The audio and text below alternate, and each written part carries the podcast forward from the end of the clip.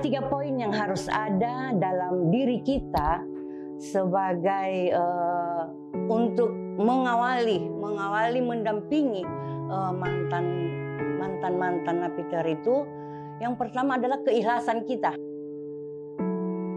Itulah timbul pemikiran kita bagaimana kita mendampingi uh, bukan hanya ex napiternya, tapi keluarganya, tapi keluarganya sekalian yang harus kita dampingi. Kemudian uh, dari keikhlasan, kemudian punya tekad yang kuat. Kemudian yang ketiga adalah keberanian kita. Tiga poin ini yang harus ada dalam diri kita. Bagaimana untuk uminya pemberdayaan ekonominya, bagaimana anak-anaknya bisa bermain, sebagaimana anak-anak di dalam kota yang bisa bermain uh, leluasa dengan dengan teman siapa saja seperti itu. Mulai di situlah kita berpikir bahwa kita harus uh, mendampingi keluarga.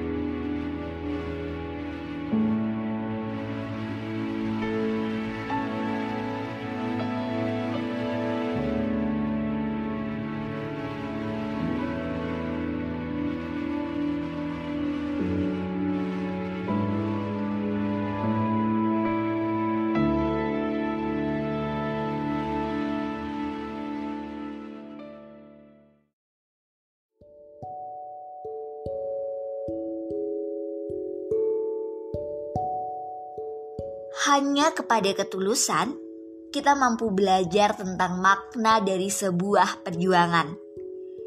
Melakukan hal baik tanpa kenal pamrih adalah tindakan positif yang memberi warna begitu indah dalam masyarakat. Perempuan yang mengajarkan kita tentang bagaimana tulus rasanya sangat menakjubkan. Itulah mengapa sebagai perempuan, kita memiliki keunikan untuk membangun hubungan emosional dengan cinta kasih kepada masyarakat. Tentu saja kita harus bangga, karena dengan cinta kasihlah perdamaian dapat tercipta. Mau dengar buktinya? Yuk!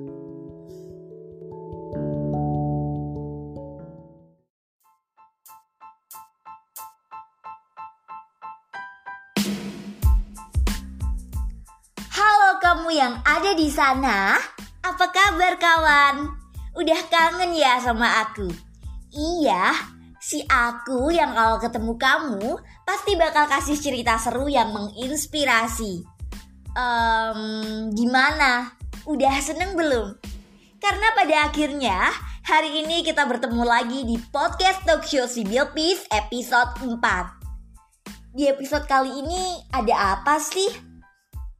Tentu saja ada aku yang mau bikin kamu happy.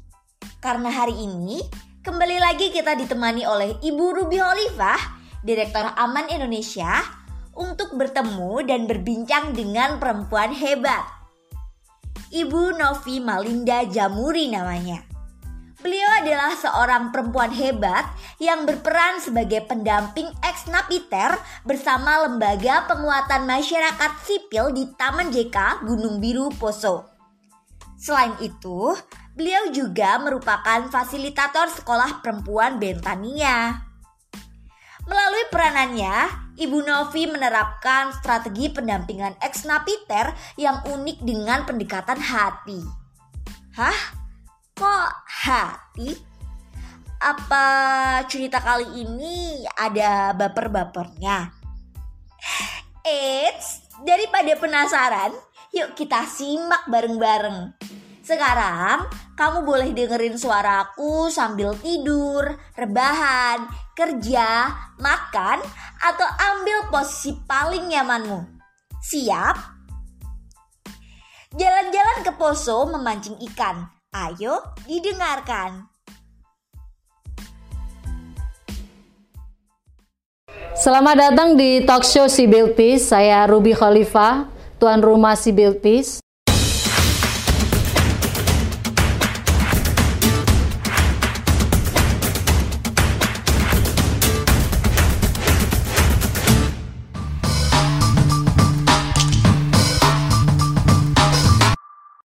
Konflik Fuso memang sudah berakhir.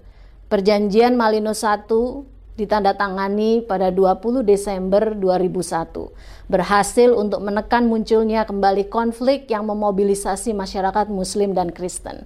Di sebagian desa, penduduk muslim dan Kristen sudah kembali menyatu. Meskipun tidak semuanya memiliki interaksi aktif, segregasi penduduk berdasarkan agama juga masih terjadi di beberapa tempat. Kini masyarakat Poso menghadapi tantangan baru konflik yaitu terorisme. Menurut catatan Polri, dalam 8 tahun terakhir ada 22 aksi serangan yang terjadi di Poso. Mentargetkan petani baik berlatar belakang agama Islam maupun Kristen. Poso telah menjadi home ground dari kelompok terorisme bernama Mujahidin Indonesia Timur masyarakat kembali pada situasi rentan. Mereka yang tinggal di kaki-kaki pegunungan biru kerap menjadi sasaran para teroris sebagai supplier logistik maupun sasaran pembunuhan. Kerentanan lain dialami oleh masyarakat Poso saat ini adalah kedatangan kembali para mantan narapidana terorisme. Mereka telah menjalani hukuman, kini kembali ke masyarakat dan disituasikan agar tetap bisa berbaur. Nah saat ini ada 39 mantan napiter yang ditempatkan di Poso. Salah satunya adalah di Dusun Taman Jeka, Desa Masani, Pesisir Poso. Bagaimana mereka berintegrasi dengan penduduk lokal?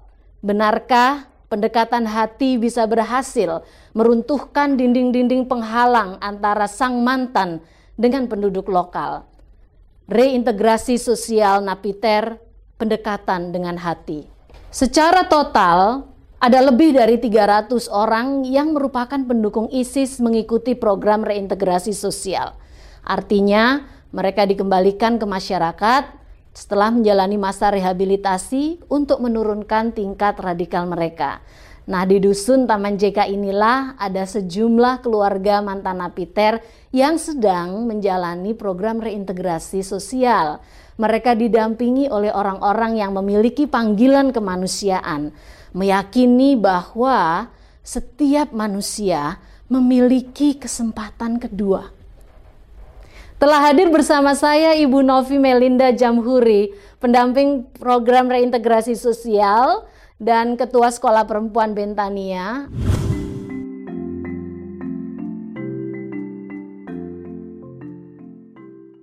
Apa kabar Ibu Novi? Cantik sekali pagi ini Ibu. Terima kasih sudah bersedia hadir dalam talk show She Build Peace. Sehat-sehat Bu Novi?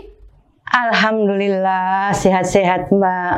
Baik, eh, cantik sekali topinya Ibu pagi ini. Warna merah sangat eh, membuat kita bersemangat ya.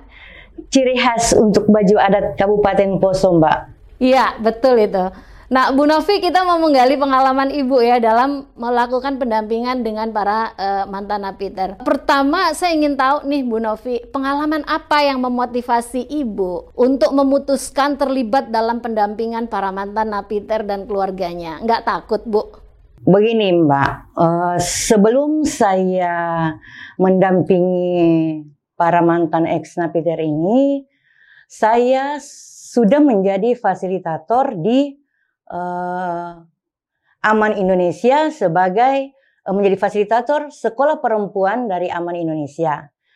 Di situ uh, karena uh, pengalaman saya uh, yang menjadi fasilitator itu, um, saya merasa terpanggil dan tertantang di saat uh, saya dilibatkan di dalam uh, program mendampingi para ex-ex napiter ini. Kebetulan itu dari Kementerian Sosial. Seperti itu. Baik. Uh, Bu Novi, tentu uh, orang-orang yang akan melihat program ini pengen tahu dong bagaimana caranya Ibu melakukan uh, pendampingan. Mungkin sedikit dikasih gambaran uh, bagaimana sih Ibu melakukan pendampingan uh, keluarga mantan napiter ya. Uh, nah, uh, bisa Ibu bisa jelaskan Uh, detailnya nanti kita akan bahas di sesi berikutnya, tapi sekarang kayaknya gambaran besarannya akan menarik untuk kita dengar. Silakan Bu. Gambarannya yang uh, ada tiga poin yang harus ada dalam diri kita sebagai uh, untuk mengawali, mengawali, mendampingi uh, mantan mantan mantan napiter itu. Yang pertama adalah keikhlasan kita. Kemudian uh, dari keikhlasan, kemudian punya tekad yang kuat. Kemudian yang ketiga adalah keberanian kita. Tiga poin ini yang harus ada dalam diri kita untuk uh, di mana kita bisa bisa mendampingi para XX ini yang dalam tanda kutip tentunya kita sudah bisa bayangkan dia uh, ex napiter seperti itu. Nah, eh, ada komponen yang sangat penting yang Ibu tadi sampaikan ya. Eh, ada keikhlasan, ada keteguhan ya, karena memang ini bukan pekerjaan yang gampang. Nah, eh, tiga hal yang penting tadi tentunya bukan datang begitu saja ya, Bu ya.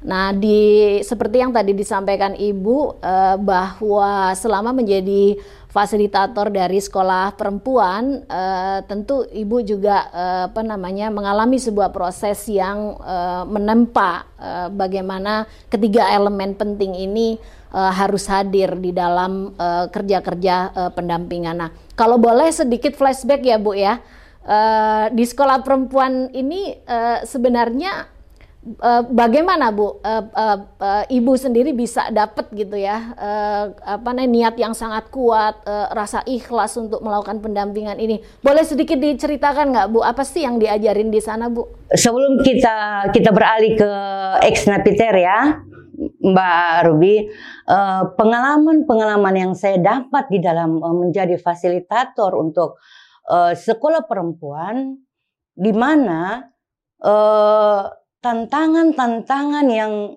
uh, berat kita sudah lewati.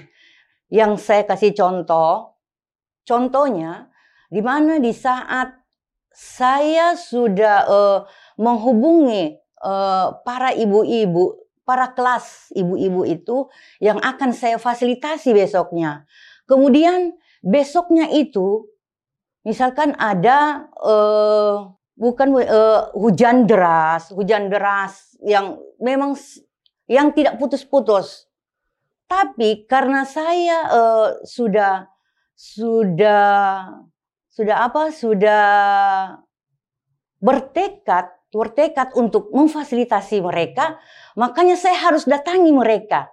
Saya menumbuhkan kepercayaan kepada ibu-ibu itu bahwa saya dengan uh, dengan uh, keadaan bagaimanapun saya terkecuali saya memang sudah tidak bisa untuk datang baru saya tidak datang seperti itu. Itu itu yang saya bilang dengan tekad yang kuat yang harus ada dalam diri kita. Saya uh, sebelum ketemu dengan para mantan napiter, sebelum ketemu dengan para mantan napiter, saya kunjungi kunjungi desa yang yang ada ada beberapa orang napiter di uh, di Kabupaten Poso yang tinggalnya di gunung yang namanya Taman JK atau Gunung Biru itu. Uh, kami mengunjungi, tapi tidak semudah kita bilang uh, kita mengunjungi mereka mereka langsung menerima kita. Uh, mereka itu uh, dengan orang-orang yang baru itu mereka sangat tertutup itu mereka sangat tertutup untuk mendapatkan mengunjungi mereka uh, dari rumah ke rumah itu butuh perjuangan tidak satu dua kali. Kita butuh perjuangan itu uh, keikhlasan kita untuk setiap setiap setiap saat untuk datang ke tempat itu. Seperti kalau Mbak Ruby lihat keadaan keadaan untuk uh, sampai ke tempat itu jalannya itu Mbak Ruby Medannya ya, Ya. Bu ya. Medannya susah ya. Iya. Bisa jelasin Bu biar eh, para penonton tahu nih medan eh, di mana Ibu Novi apa pendampingan itu nggak gampang gitu.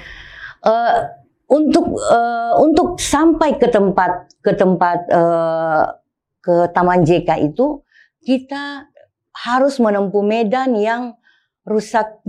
Jalannya itu kita motor itu harus naik di atas eh, batu-batu karang. Kadang kalau motor sudah tidak bisa tidak bisa naik kita dorong motornya. Saya mendorong motor itu sampai di atas pegunungan baru naik lagi. Untuk eh, melewati eh, tanjakan-tanjakan yang eh, bukit-bukit yang karang-karang banyak karangnya itu. Itu bukan aspal yang yang kita bayangkan kita Seperti yang di jalan raya Iya. ya Bu ya. kita naik di Iya, motor betul. itu naik di atas atas karang jalan itu kar- karena dia bukit karang jadi motor naik di atas atas karang yang yang terjal itu mbak Iya baik. Nah, gambaran Bu Novi eh, terkait dengan Medan memang eh, kalau di kalau pa- para penonton di sini ya, misalnya Google tentang pegunungan biru, nah itu udah akan kelihatan tuh bagaimana medannya ya, Eh, entah itu jalannya, entah itu jarak tempuhnya itu juga dan juga situasinya yang eh, apa namanya eh, mencekam karena me- melewati hutan-hutan eh, seperti itu. Nah, Bu Novi saya ingin mendalami Bu tentang bagaimana Ibu melakukan pendampingannya lebih detail ya Bu ya eh, eh, di segmen berikutnya. Seperti yang tadi Bu Novi jelaskan bahwa pendampingan secara garis besar tentu eh, penting. Eh, yang paling penting maksudnya adalah membangun kepercayaan tidak saja di keluarga eh, apa namanya eh, ex eh, napiter tetapi juga tentu kepercayaan ini perlu dibangun juga di masyarakat yang menerima mereka ya di mana mereka akan eh, hidup dan bersama-sama untuk menuju sebuah proses resiliensi. Eh, ada juga upaya untuk bagaimana menjembatani komunikasi dan sebagainya. Nah ini baiknya saya tanya langsung nih sama Bu Novi nih. Gimana Bu nilai-nilai perdamaian yang diajarkan di sekolah perempuan itu eh, dipakai oleh Bu Novi dalam pendampingan eh, mantan napiter dan keluarganya Ibu nih, eh, keluarga napiter ya. Dan bisa kasih contoh mungkin Bu akan lebih eh, mudah dimengerti oleh eh, para penonton nanti yang yang mengikuti diskusi kita ini. Silakan. begini mbak Ruby awalnya kita hanya eh, mendampingi para mantan ex napiter. Itu. Kemudian dalam beberapa saat saya menceritakan dari awal ini ya Mbak Ruby dari tiga tahun yang kita sudah mendampingi dari awal.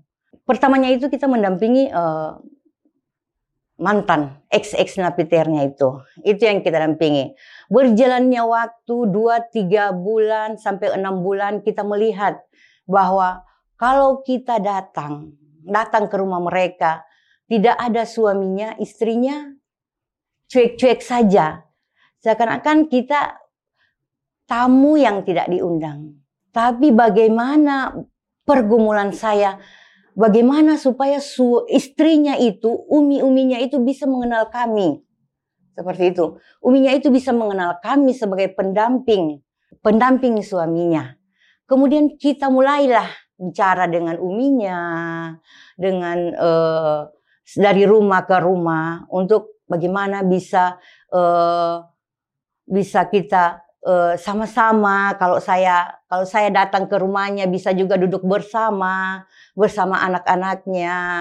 Ah, setelah umi setelah kita eh, membicarakan tentang bagaimana kita kalau kita datang itu uminya juga harus eh, kalau bisa ikut ikut hadir di dalam part- dalam rapat kecil kita itu dalam rumahnya uminya setuju kemudian putar otak lagi kita bagaimana bisa kalau anak-anak ini bisa kita ajarkan eh, membaca bagaimana eh, kita belajar bermain seperti itu karena anak-anak mereka masih balita semua semua hampir mayoritas balita anak-anak mereka Ya itu. Itulah timbul pemikiran kita bagaimana kita mendampingi uh, bukan hanya ex napiternya tapi keluarganya.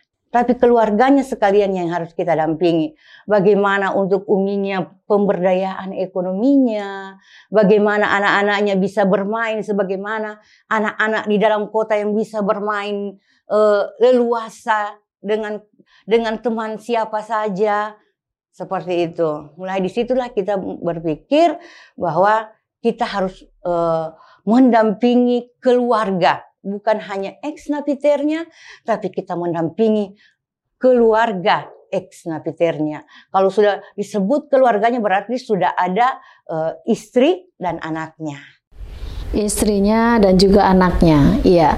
Bu Novi uh, ini apa namanya kalau dari deskripsinya Bu Novi itu kan cukup komprehensif ya. Dan tentu bukan pekerjaan yang sangat gampang ya. Ternyata begitu uh, ada apa namanya uh, uh, keterlibatan di dalam program reintegrasi sosial ini uh, nggak hanya terfokus kepada mantan napiternya itu sendiri ya, tetapi uh, istri dan juga uh, apa namanya anak-anak itu menjadi bagian dari satu paket di dalam pendampingan ibu ya dan itu bisa uh, apa namanya beda-beda gitu uh, pendekatannya gitu ya. Nah, uh, Bu Novi uh, kalau kalau boleh di di explore lebih jauh bicara tentang pendekatan, kita pengen tahu nih Bu uh, ap, uh, pendekatan apa yang yang ibu pakai untuk membuka skat-skat ya uh, komunikasi antara keluarga uh, mantan napiter ini dengan penduduk lokal nih bu. Karena kan keduanya perlu didampingi nih bu. Nggak mungkin kan cuma hanya satu keluarga di uh, napiter saja tapi uh, karena dia akan hidup dengan masyarakat maka masyarakatnya juga perlu dipastikan bahwa masyarakat akan menerima dan bisa hidup bersama. Bisa kasih ini nggak bu? Kasih apa namanya uh, uh, kunci-kuncinya, uh, informasi yang mungkin lebih detail terkait itu. Iya, uh, dari pendampingan ex napiter, uh, mm-hmm. dari uh, kami melihat dari karena uh, di ex napiter kami mengadakan pendampingan yang berbentuk pemberdayaan ekonomi, uh, Mbak, itu uh, 60% dari dari dusun Taman JK itu uh, berhasil. Jadi kenapa tidak?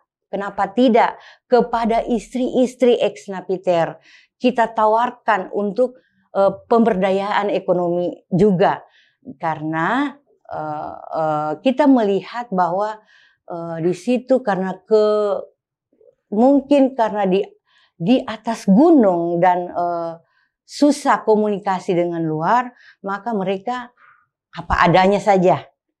Apa yang sudah disiapkan oleh suami itu saja. Ah, kami berpikir kenapa tidak eh, kita mengajarkan para ibu-ibu itu untuk eh, berbuat cemil, membuat cemilan-cemilan itu. Membuat cemilan, membuat uh, makanan anak-anak. Makanan anak-anak di situ karena kebetulan di sana juga Mbak itu penghasil coklat, penghasil di, di desa Taman JK itu dia penghasil coklat. Iya subur karena di gunung Mbak, di gunung dia eh, merica, coklat, duren itu selalu banyak dari Taman JK itu seperti itu. Kenapa tidak kita kita mengajak ibu-ibu ini untuk uh, bagaimana kita berpikir untuk bagaimana kita memberdayakan ekonomi rumah tangga kita. Kita jangan berpikir terlalu jauh dulu, bagaimana kita memberdayakan ekonomi uh, rumah tangga kita. Seperti itu. Uh, Bu Nafi, selain ekonomi, apa pendekatan lain yang yang Ibu uh, jalankan agar uh, apa namanya keluarga ini selain terfokus pada perubahan ekonomi mereka juga uh, bisa melihat di aspek sosial maupun uh, aspek uh, yang lainnya. Uh, kalau kalau saya sekarang saya saya selalu berbahasa pendekatan saya pendekatan uh, sentuh hatinya. Tentu dia akan berubah. Kita mengadakan uh, pendekatan secara kekeluargaan. Seperti itu, Mbak uh, kita datangi rumahnya. Ini uh, kita mendampingi para ex ini kita tidak secara uh, kita kumpul mereka lalu kita kita datangi dari rumah ke rumah. Kita datangi dari rumah, dari satu rumah ke rumah. Ada, tapi sebagian kecil ada yang tidak juga mau untuk kita kita kita samparin ke rumahnya. Itu berapa keluarga, Bu? Bu, berapa keluarga yang masih yang masih sulit untuk didekati? Ada satu satu keluarga, satu keluarga, Mbak. Uh, tapi dengan tekad itu yang saya bilang tadi, kita harus punya yang dalam diri kita itu harus ada keikhlasan tekad yang kuat gitu dan keberanian untuk hmm. datang hmm. tiap hari hmm. sudah ditolak datang lagi iya. susah-susah aja lagi. ya bu ya itu, iya. ditolak-tolak kenapa kita. masih datang gitu dan itu ke keikhlasan kita itu dan mbak keikhlasan kita kalau kalau kita berpikir secara untuk apa kita ke sana kalau tidak diterima ya mbak saya mau lihat yang baga bagaimana kak ini keadaannya sampai tidak bisa menerima kita seperti itu. Beberapa kali kita mencoba, akhirnya karena kita dengan dengan uh, tekad dan keikhlasan serta keberanian yang selalu datang ke situ, makanya kita itu saya selalu bilang kita pakai sentuhan hati. Oke, okay. uh, eh, Bu Nafi tadi udah dijelasin ya ke uh, kita semua uh, pendekatan ekonomi itu uh, memang bukan satu-satunya, tapi itu yang paling dibutuhkan saat ini karena mereka butuh sekuritas bagaimana mereka bisa hidup uh, uh, kembali di masyarakat. Tentu salah satunya mereka mesti uh, memastikan bahwa mereka bisa uh, menggunakan gitu ya bantuan dari pemerintah untuk melanjutkan hidup mereka, memutar uang itu menjadi bisnis uh, kecil yang bisa mereka uh, apa namanya uh, uh, upayakan bagaimana uh, membuat kayak warung atau membuat usaha-usaha seperti itu. Nah, Bu Nafi kita uh, uh, pengen explore ke Bu Nafi terkait dengan pendekatan yang non ekonomi ya Bu ya, yang yang itu juga bagian yang yang penting di dalam uh, pendampingan ini. Silakan Ibu.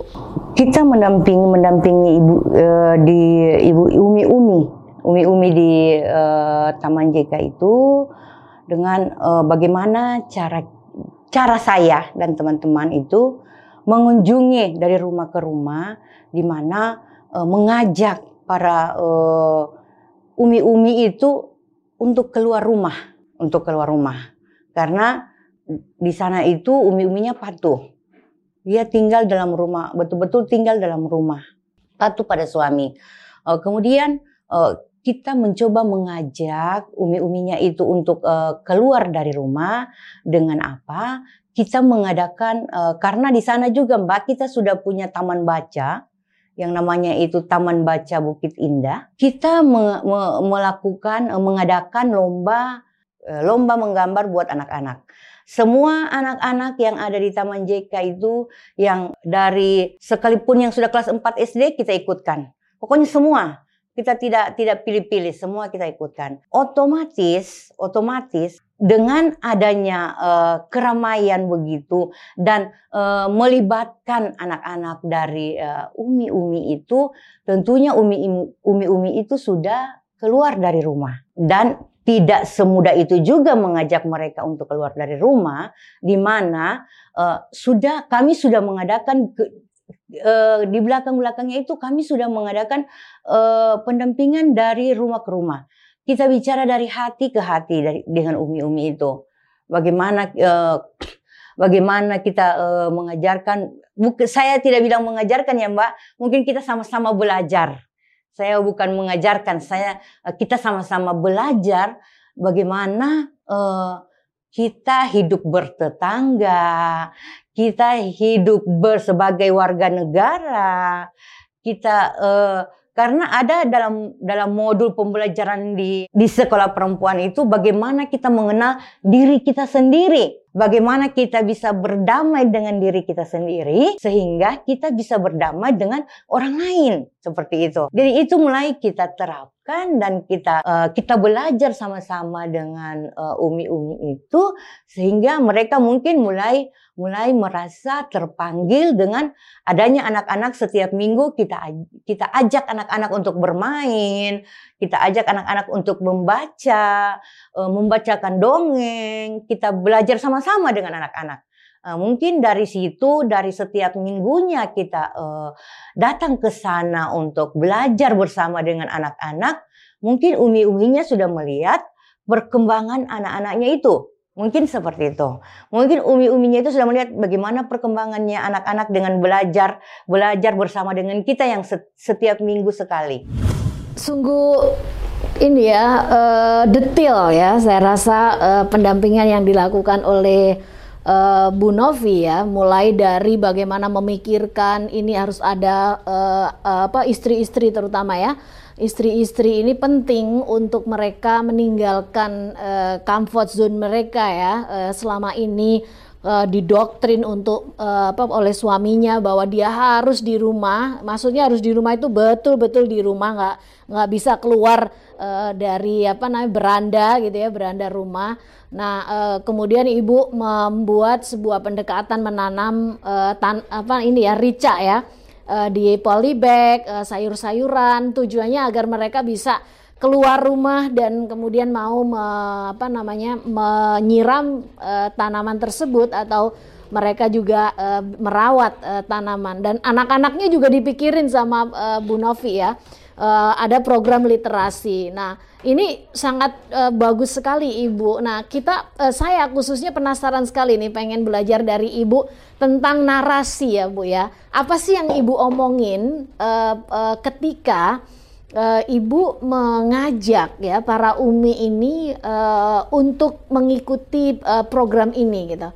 Nah, narasinya apa nih Bu yang yang bisa menyentuh hati uh, mereka Bu? Di saat kami bertemu dengan umi-uminya itu, kami uh, karena ada yang sebagian, sebagian umi-umi di dalam suaminya itu masih ada di dalam dalam lembaga terus terang berada dalam lembaga. Kami ingin membantu, bukan mau keluar dari masalah, tapi bagaimana kita sama-sama, uh, sama-sama kita coba, mencoba, kita datang membantu, mencoba bukan menyelesaikan masalah, tapi mencoba untuk bagaimana masalah ini jangan berkembang dan jangan menjadi polemik di dalam keluarga seperti itu.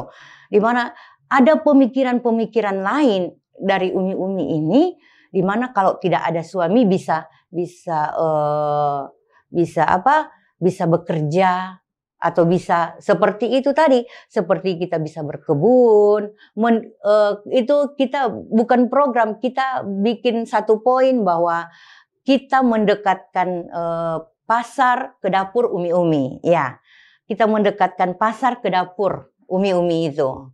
Uh, di mana kita menanam menanam rica itu, lombok itu, menanam kangkung, menanam sawi di polybag polybag. Tapi di saat kita mau menanam, kita kita koordinasi dulu dengan umi-umi. Umi besok kita mau menanam, ayo sediakan eh, minggu depan kita mau menanam. Bagaimana kalau kita mau menanam eh, sayur-sayur dan eh, uh, rica itu seperti rica itu di polybag dan menanam itu mari kita kerjakan sama-sama. Jadi semua bekerja mbak, semua bekerja dari umi-uminya sampai anak-anaknya ikut juga angkat-angkat tanah itu masukkan ke polybag, anak-anak itu ikut ikut campur di situ semua. Jadi bukan bukan hanya umi-umi yang kita ajak, tapi kita mengajak juga seluruh masyarakat, seluruh anggota masyarakat yang ada di situ melalui kepala dusun. Seperti itu. Semua ibu-ibu, ibu-ibu yang ada di situ melalui kepala dusun supaya ada ada ada komunikasi dan uh, mereka bisa berbaur seperti itu. Karena ex Napiter dan keluarganya itu saya mohon itu karena mereka tertutup seperti itu. Tapi bagaimana kita, bagaimana kita berusaha untuk bisa mendampingi mereka. Kita masuk ke rumahnya. Itu harus harus punya keberanian yang yang yang sangat sangat dan sangat itu untuk bisa masuk ke rumahnya. Seperti itu yang saya bilang. Baik, baik.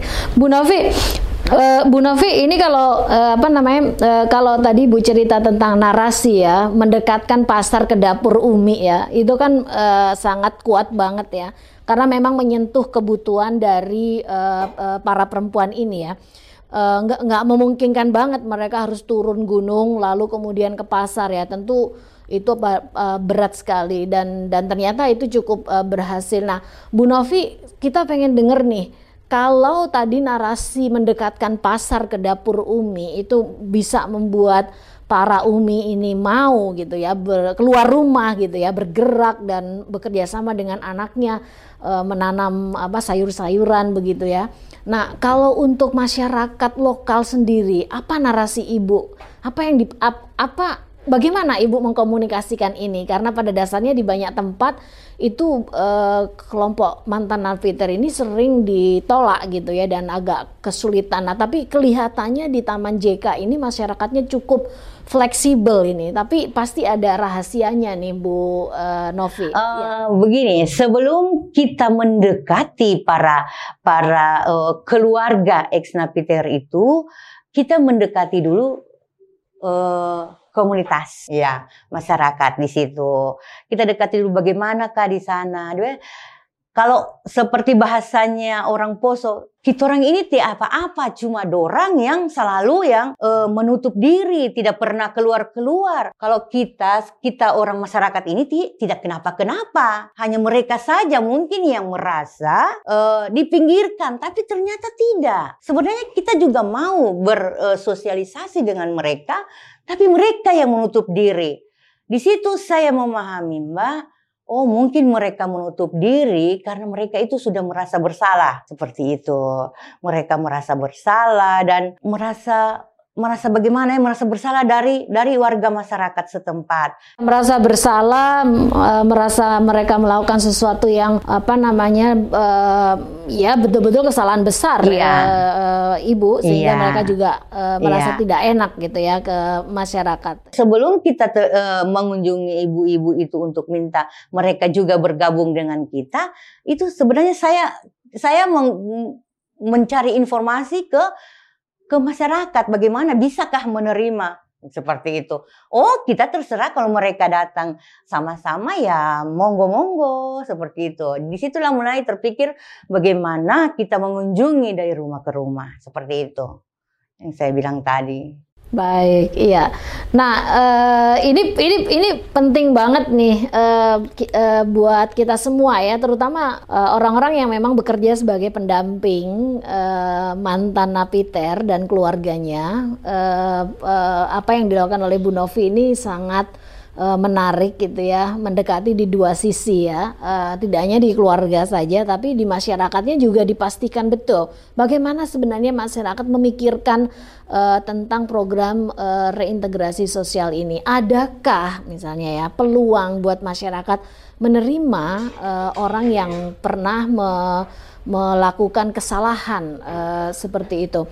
Nah, tapi kalau dari dari kasusnya di Taman JK terlihat betul betapa masyarakat memiliki kelegaan dan memiliki hati yang lapang gitu ya untuk memberikan uh, apa namanya kesempatan kedua buat orang-orang iya kesempatan kedua buat orang-orang ini untuk berbuat sesuatu dan berbaur kembali di uh, masyarakat. Nah, Bu Novi sebagai pendamping ini Bu, saya penasaran nih Bu. Kan pekerjaan ini kan udah tiga tahunan ya Bu ya. Dan tentu saja ini tidak gampang ya. Ibu tadi bilang medannya susah. Belum lagi rasa ketakutan setiap kali naik gunung gitu kan. Dan juga belum lagi dia menghadapi satu persatu dari keluarga yang e, karakternya berbeda dan sebagainya. Nah ini pengalaman pendampingan ini Bu. Kira-kira berdampak seperti apa ke Bu Novi sendiri nih sebagai pendamping nih Bu? Uh, dengan saya mendampingi para ex dan keluarga, ex dan familinya itu, saya merasa merasa tertantang, Mbak. Saya merasa tertantang. Di mana kenapa saya bilang saya merasa tertantang? Saya merasa uh, lebih kuat, lebih kuat dari hari-hari kemarin itu dengan uh, mungkin peng, uh, dengan pengalaman yang berbeda dengan pengalaman yang berbeda. Saya menjadi fasilitator sekolah perempuan, tantangannya saya harus berjuang bagaimana uh, para ibu-ibu, para ibu-ibu yang ada dalam kelas ini dia uh, bisa memahami bagaimana bisa bertetangga, berkeluarga, tapi di dalam mendampingi uh, keluarga ex napiter ini itu sangat sangat tertantang butuh ekstra butuh ekstra pemikiran, ekstra energi ya Bu ya. Sangat. Itu yang itu yang yang saya dahulukan tadi sebelum menjadi uh, pendamping di uh, ex napiter itu kita harus mempunyai tiga tiga hal seperti tadi itu. Ya. Keikhlasan, tekad yang kuat itu. Seperti itu dan keberanian ini ini. Kalau kalau kita kita menghadapi uh, ibu-ibu sekolah perempuan, tentunya kita berjalan jalan menuju ke sana itu aman-aman saja, ya.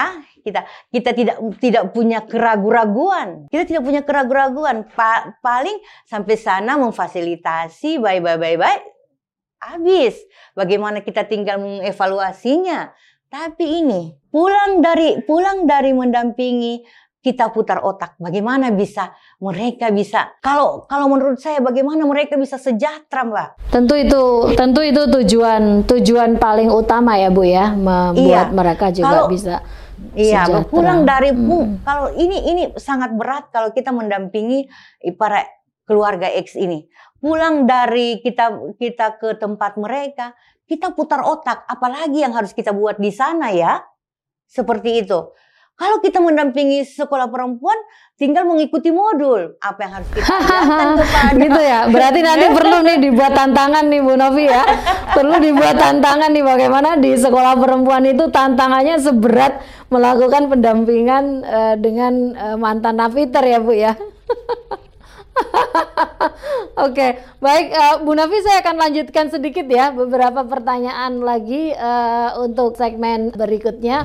Uh, Bu Novi, ini pembicaraan yang menurut saya langkah ya, nggak gampang loh kita mendapatkan langsung informasi yang uh, begitu detail, memikirkan uh, tentang apa namanya strategi pendekatan dan narasi-narasi yang dipakai, bagaimana menaklukkan hati dan pikirannya uh, mantan narapidana uh, terorisme dan juga uh, keluarganya, karena memang mereka meskipun uh, telah menjalani masa rehabilitasi uh, belum 100% sebenarnya uh, apa namanya berubah ideologi uh, mereka tapi mereka harus menerima kenyataan bahwa mereka harus ber, ber, kembali gitu ya ke masyarakat gitu ya. Nah, ini Bu Novi kan udah hampir tiga tahun nih Bu ya uh, melakukan pendampingan ya, dan saya melihat konsistensi Bu Novi, niat yang sangat kuat serta uh, apa namanya menyukai tantangan tadi nih.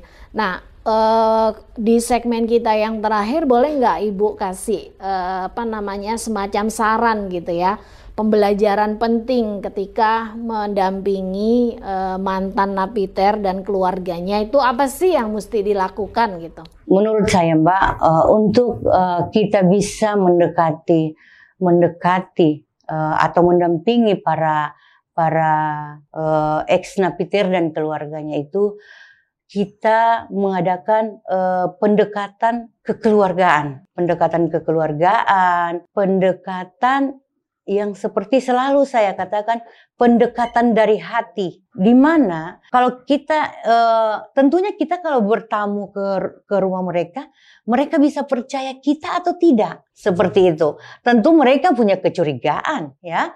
Siapa yang datang ke rumah saya? Mereka bisa percaya kita atau tidak? Mereka e, kita bisa diajak sebagai bisa dikategori sebagai teman atau bukan? Seperti itu kita menumbuhkan bagaimana kepercayaan mereka buat kita. Itu.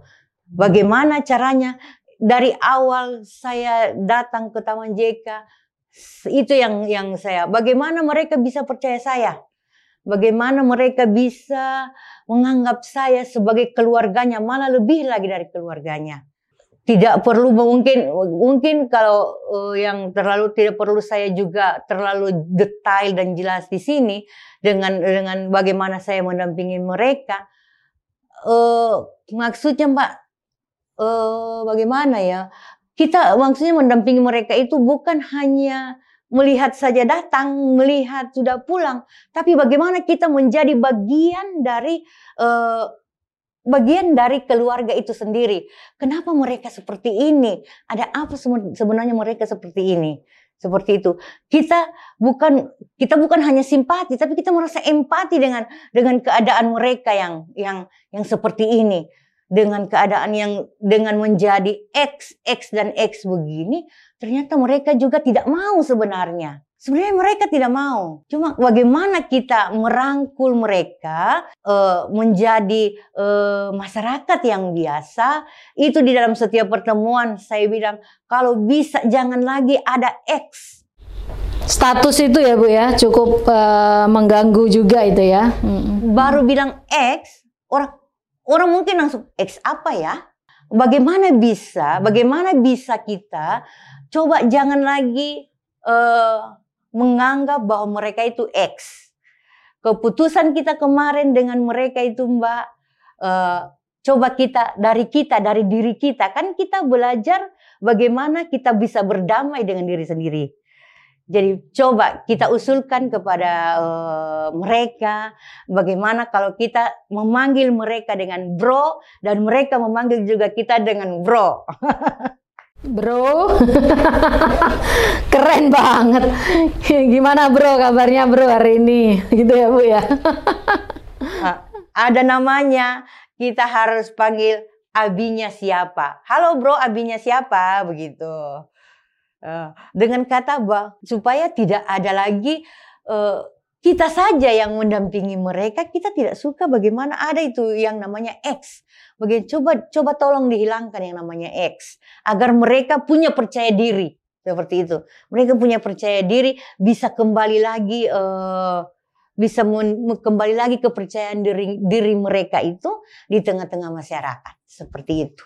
Keren-keren banget uh, Bu Novi, saya setuju 100% itu ya.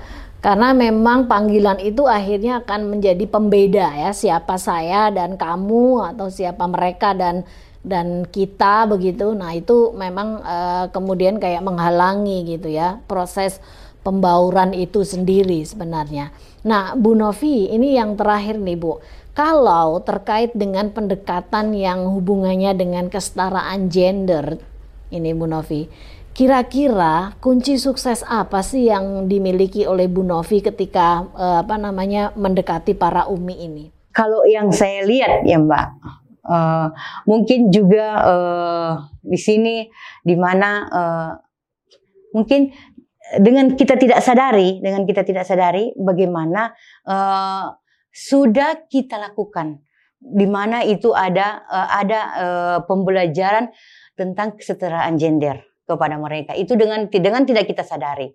Di mana itu? Di saat kita menanam.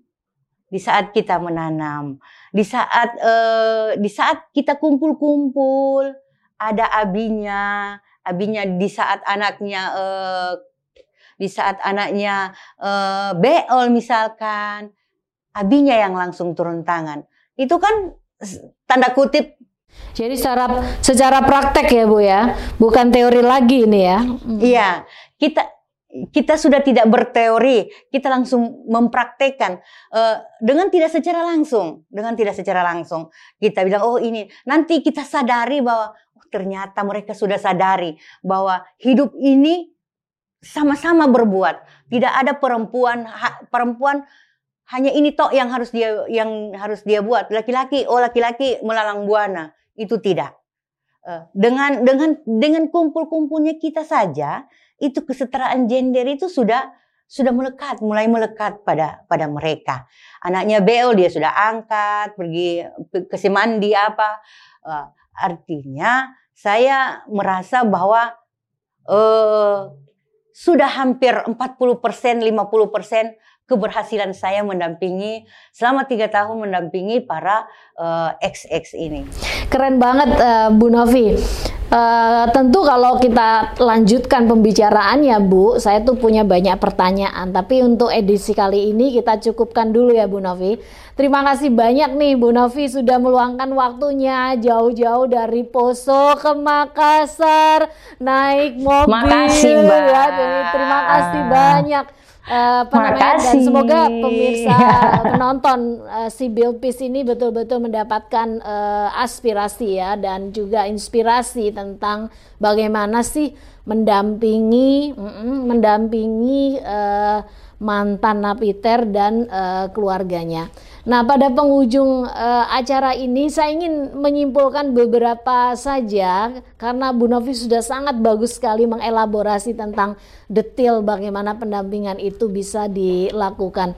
Yang pertama tentu saya ingin uh, apa namanya mengingatkan kepada kita semua bahwa tantangan besar Indonesia saat ini adalah reintegrasi sosial tidak hanya para mantan uh, napiter tapi juga kita uh, ada persoalan dengan deportan, returni, orang-orang yang mendukung ISIS dengan sukarela dikembalikan ke Indonesia dan mereka adalah warga Indonesia dan mereka uh, ingin mendapatkan uh, kesempatan uh, kedua untuk bisa berbuat baik di masyarakat.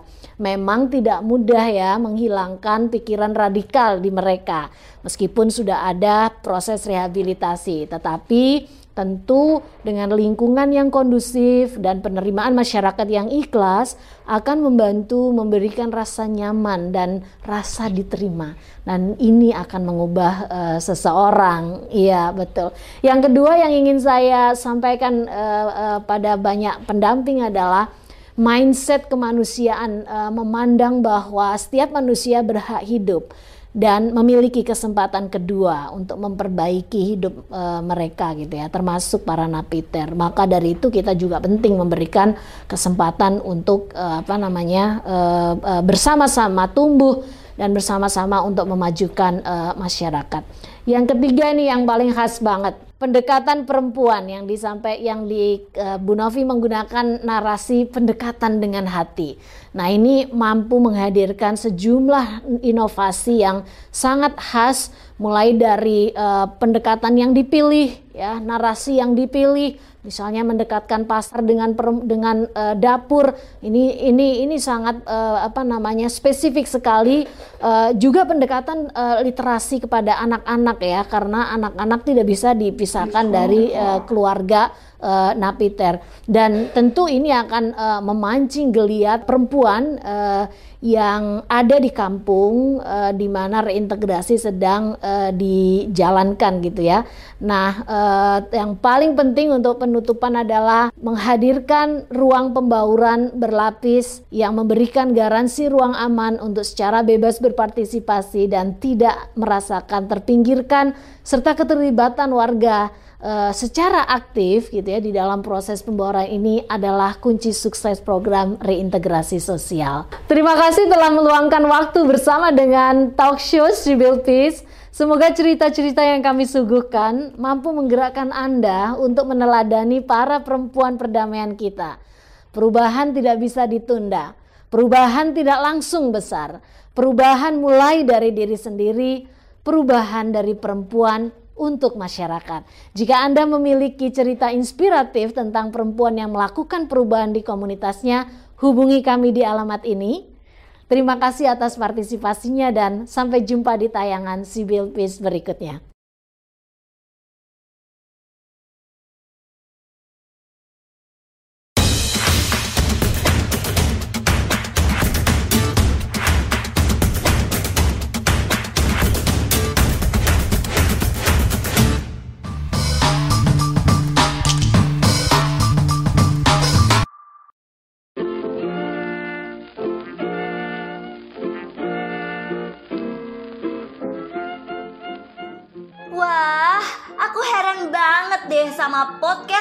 Si Biopis ini. Karena setiap episodenya, lagi-lagi telinga kita dimanjakan dengan cerita yang unik, menarik, positif, dan menginspirasi. Tak terkecuali hari ini. Gimana nih pendapat teman-teman? Setuju nggak sama aku?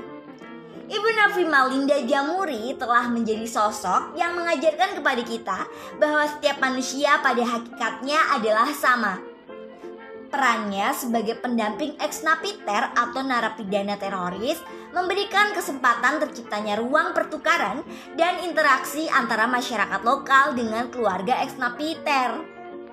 Hebatnya, pendampingan yang diberikan Ibu Novi tidak hanya berfokus pada ex-napiternya saja, namun juga mengarah pada istri dan anak-anak ex-napiter. Beliau menciptakan ruang pembauran, melakukan pendekatan hati dengan perempuan, dan metode literasi pada anak-anak. Beliau juga memberdayakan perempuan secara ekonomi. Dan aku percaya bahwa tindakan positif yang beliau lakukan ini dapat mendorong para ex-napiter dan keluarganya untuk memiliki kepercayaan diri, kembali ke masyarakat dan membangun masyarakat yang damai dan sejahtera. Terima kasih sudah mendengarkan podcast ini. Aku harap melalui cerita ini kamu dapat percaya bahwa perempuan juga bisa. Ingat, dari episode ini kita belajar bahwa untuk menciptakan perdamaian, jangan goyah dengan tantangan. Bila perlu, sentuh hati mereka dengan cara-cara damai yang positif dan cinta kasih. Perempuan, kita ada untuk cinta, kita ada karena makna. Dan melalui cinta dan makna itu, mari bersama-sama menciptakan dunia yang lebih indah. Eits, tunggu dulu. Kamunya sehat terus ya. Karena aku harap kita bisa berjumpa di episode selanjutnya. Karena aku pengen bikin kamu seneng, yuk terus mampir di podcast talk show. Jangan lupa untuk follow Instagram kami yaitu at sibilpis.id dan subscribe YouTube kami yaitu Sibilpis Indonesia. Setiap pertemuan yang baik tentu ada hal yang melekat untuk diingat. Nah, biar apa yang kita ingat nggak kelupaan, yuk terus mampir di podcast talk show Sibil Peace.